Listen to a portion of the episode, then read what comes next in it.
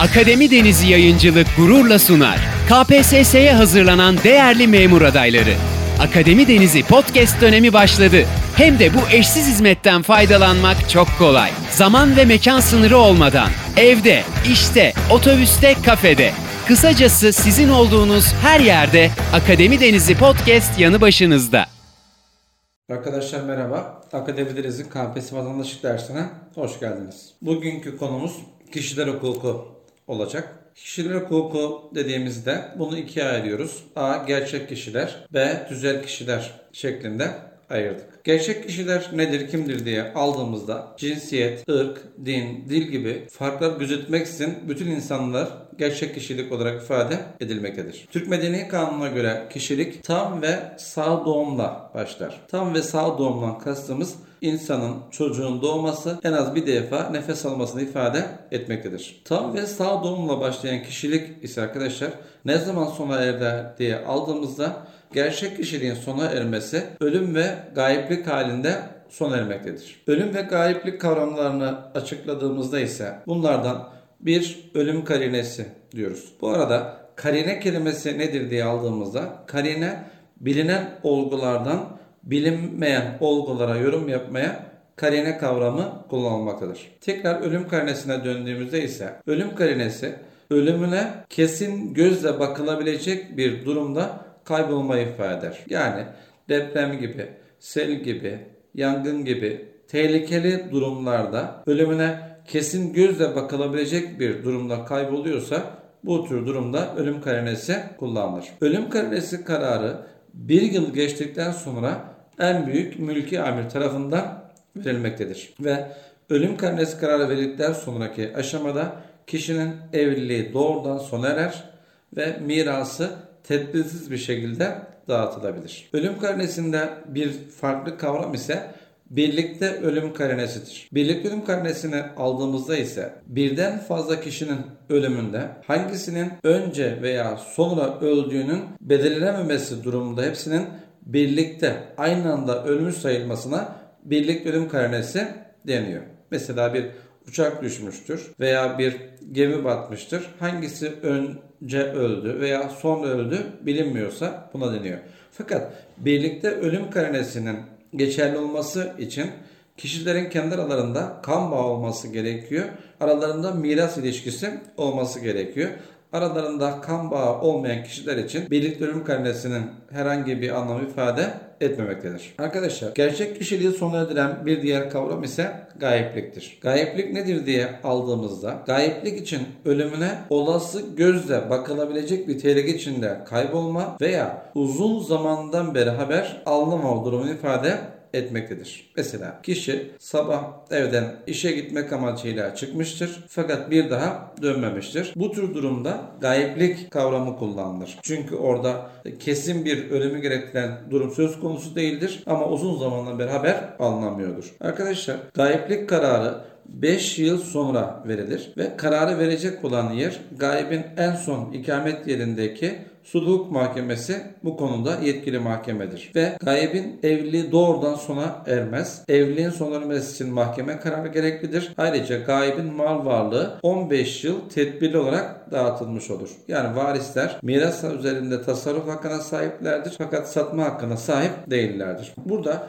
şunu da vurgulamak gerekir ki gayip 100 yaşına değdiği andan itibaren gayiplik kararı çıkarılmış olur. Mesela 90 yaşında bir kişi kaybolduğunda mirasın tedbiri için 105 yaşı beklenmez. 100 yaşına değdiği andan itibaren miras sürenindeki tedbir kaldırılmış olur. Kişilerin ehliyetlerine geldiğimizde ise gerçek kişilerin ehliyetleri hak ehliyeti ve fiil ehliyeti şeklinde ikiye ayrılmaktadır. Hak ehliyetini aldığımızda arkadaşlar hak ve borç sahibi olabilme yani medeni haklardan yararlanma gücüdür ve Medeni kanuna göre çocuk hak ehliyetine sağ doğma koşuluyla ana rahmine düştüğü andan itibaren kazanmaktadır. Burada yine altını çizeceğimiz nokta burası. Hak ehliyeti doğumdan önceki dönemde kazanılır fakat kullanılması tam ve sağ doğuma bağlıdır. Burada özellikle yine miras hukukunda kullanılan bir kavram olması yönüyle hak ehliyeti önemlidir. İkincisi arkadaşlar fiil ehliyeti. Nedir fiil ehliyeti diye aldığımızda bir kişinin bizzat kendi fiil ve işlemleriyle kendi lehine haklar, aleyhine borçlar yaratabilmesine demektedir. Hak ehliyetine herkes sahip olabilir. Fakat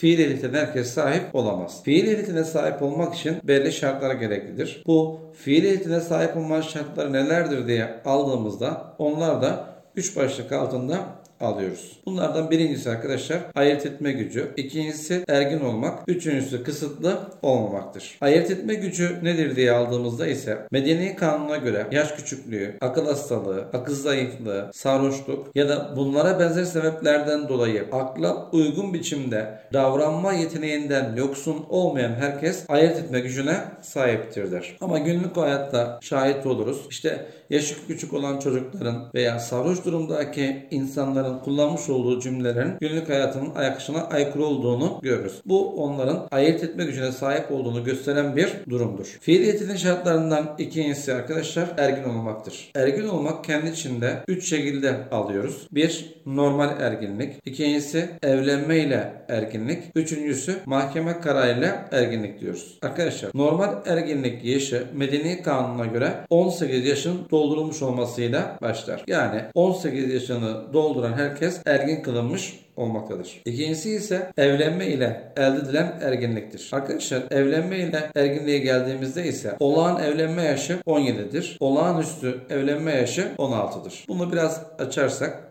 şöyle. 18 yaşını doldurmuş olan herkes evlenme hakkına sahiptir. Burada herhangi bir sınırlama, kısıtlama söz konusu değildir. Fakat 17 yaşındaki bir kadın ve erkeğin evlenmesi için aile rızası gereklidir. Fakat 16 yaşına yani olağanüstü evlenme yaşına geldiğinde ise durum biraz farklı. Orada ailenin rızası, küçüğün menfaati ve mahkemenin kararı gereklidir. Bu üç şartın gerçekleşmesi durumunda evlilik gerçekleşmiş olur. Toparlarsak olağan evlenme yaşı 17'dir diyoruz. Olağanüstü evlenme yaşı 16'dır diyoruz. Peki evlenme ile kazanılan erginlik evliliğin sona ermesi halinde sona erer mi diye sorduğumuzda bu sona ermiyor. Evlilik sona ermiş olsa da kazanılan erginlik devam eder diye alıyoruz. Üçüncüsü arkadaşlar mahkeme kararıyla erginlik. Buna kazai rüşt adını veriyoruz. Ve mahkeme kararıyla erginlik için kazai rüşt yoluyla erginlik için ise en az 15 yaşında olmak gerekiyor. Burada kritik soru şu. Erginlik yaşı kaçtır diye aldığımızda bunun cevabı 18'dir. Fakat en az erginlik yaşı kaçtır diye aldığımızda ise bunun cevabı 15'tir. O da kazai rüşt yoluyla elde edilen erginliktir diye alıyoruz. Fiiliyetinin şartlarından üçüncüsü ise kısıtlı olmamak yani diğer adıyla mahcur olmamaktır. Nedir bu kısıtlılık hali diye aldığımızda ise bir kimsenin kanunda öngörülen muayyen sebeplerden birine dayanarak mahkeme kararı ile fiil ehliyetinden kısmen veya tamamen mahrum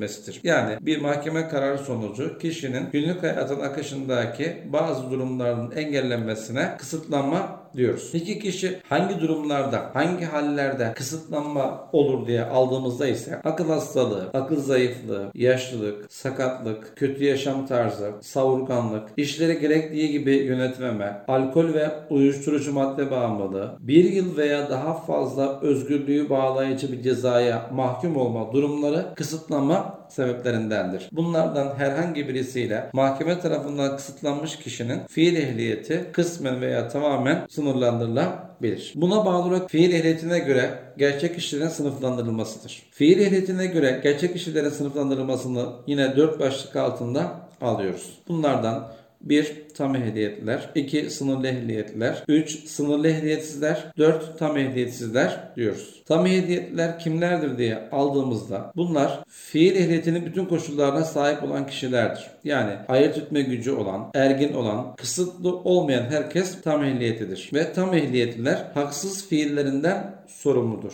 Haksız fiil ise kişinin bilerek veya bilmeyerek başkasının malına veya canına zarar vermesine denmektedir. Ve tam ehliyetli olan kişiler bundan sorumludurlar. İkinci ehliyet türü sınırlı ehliyetliler. O da nedir diye aldığımızda tam ehliyetli olup bazı sebeplerden dolayı ehliyetlere belli konuda sınırlandırılmış olan kişilerdir. Aslında bunlar tam ehliyetlilerdir. Fakat bazı sebeplerden dolayı mesela evlilikten dolayı insanların ehliyetleri belli konuda sınırlandırılmaktadır. Mesela bir aile kirada oturuyor ve noterden yapmış oldukları bir kira sözleşmeleri var. Ve aile konutunun tahliyesi gerekiyorsa eşlerden birisi tek başına gidip tahliye kararı çıkaramaz birlikte karar çıkarmaları gerekiyor. Bu şekilde kişinin ehliyeti sınırlandırılmış oluyor. Buna da sınırlı ehliyeti kavramını alıyoruz. Onun için evli kişiler sınırlı ehliyetli kapsamındadır. Aynı zamanda tam ehliyetlidir. Üçüncüsü sınırlı ehliyetsizler. Bunlar ise ayırt etme gücü bulunan ancak ergin olmayan ya da kısıtlı olan kişilerdir diye alıyoruz. Ve bunlar da sınırlı ehliyetsizler haksız fiillerinden sorumludurlar. Mesela 16 yaşındaki 17 yaşındaki bir meslek lisesi öğrencisi bir işletmeye staja gider ve bunun karşılığında aylık belli oranda ona bir ücret yatması gerekiyordur. Bunun için bir banka hesabı istenir. Fakat bu 17 yaşındaki meslek lisesi öğrencisi bankaya gittiğinde hesap açamaz. Velisinin gelmesi istenir. İşte bu şekilde olması durumuna sınırlı ehliyetsiz kavramını kullanıyoruz. Yani ayırt etme gücü vardır. Mesleki bir eğitim alıyordur. Fakat ergin olmadığı için banka hesabı açma yetkisi yoktur. Bunlar sınırlı ehliyetsizlerdir. Arkadaşlar dördüncüsü tam ehliyetsizler. Bunlar kimlerdir diye aldığımızda bunlar da ayırt etme gücüne sahip olmayan kişilerdir diye alıyoruz. Yani akıl sağlığı yerinde olmayan veya yaş küçüklüğü olan çocuklar bu kapsamda sayılmaktadır. Ve tam ehliyetsizlerin fiil ehliyetleri hiç yoktur. Bunlar herhangi bir sorumluluğa sahip değillerdir. Birisine haksız fiilden dolayı zarar vermişlerse bunlarla alakalı bir dava dosyası açılamamaktadır diyoruz. Bu şekilde ehliyet sınıflandırmasından sonra kişiliklerden B dediğimiz tüzel kişiliğe geçiyoruz arkadaşlar. Tüzel kişiliğin diğer adı hükmü şahsi olarak geçer. Bunlar şöyle açarsak belli bir amacı gerçekleştirmek amacıyla bir araya gelmiş, haklara ve borçlara sahip olabilen, bağımsız toplulukları ifade eden bir kavramdır. Ve tüzel kişilikler kendi içinde ikiye ayrılmaktadır. Özel hukuk tüzel kişileri ve kamu hukuku tüzel kişileri şeklinde ayrılır. Bunlardan özel hukuk tüzel kişileri dediğimiz dernek, sendika, vakıf gibi oluşumlardır. Kamu tüzel kişileri ise devletin bizatihi kendi eliyle ve kanunlarla kurduğu tüzel kişiliklerdir. Bir nevi bunlar devlet kuruluşlardır üniversiteler, devletin kurumları olan belediyeler bunu ifade eden durumlardır. Arkadaşlar tüzel kişiliğin son ermesi ise iki şekilde gerçekleşir diyelim ve bu dersimizi tamamlamış olalım. Tüzel kişilikler bir infisah şeklinde yani dağılma durumunda sona ererler. İkincisi ise fesih şeklinde yani dağıtılma durumunda sona ererler diye alacağız. İnfisah dediğimiz durum amacın gerçekleşmesi, süresinin dolması gibi nedenlerle kendiliğinden son verebilir. Fesih ise tüzel kişilerin kuruluş amacı ahlaka hukuka aykırı hale gelmişse, tüzel kişi suç kaynağı haline gelmişse bu durumda mahkeme kararıyla sona ermektedir diye alabiliyoruz. Arkadaşlar dersimiz burada sona erdi. Sonraki dersimizde görüşmek üzere. Hepinize kolaylıklar diliyorum. Bugün çıkmış olduğun memurluk sürecinde yeni şeyler öğrenerek hedefine biraz daha yaklaştın. Akademi Denizi Yayıncılık olarak her zaman yanındayız. Yeni bir derste görüşmek üzere.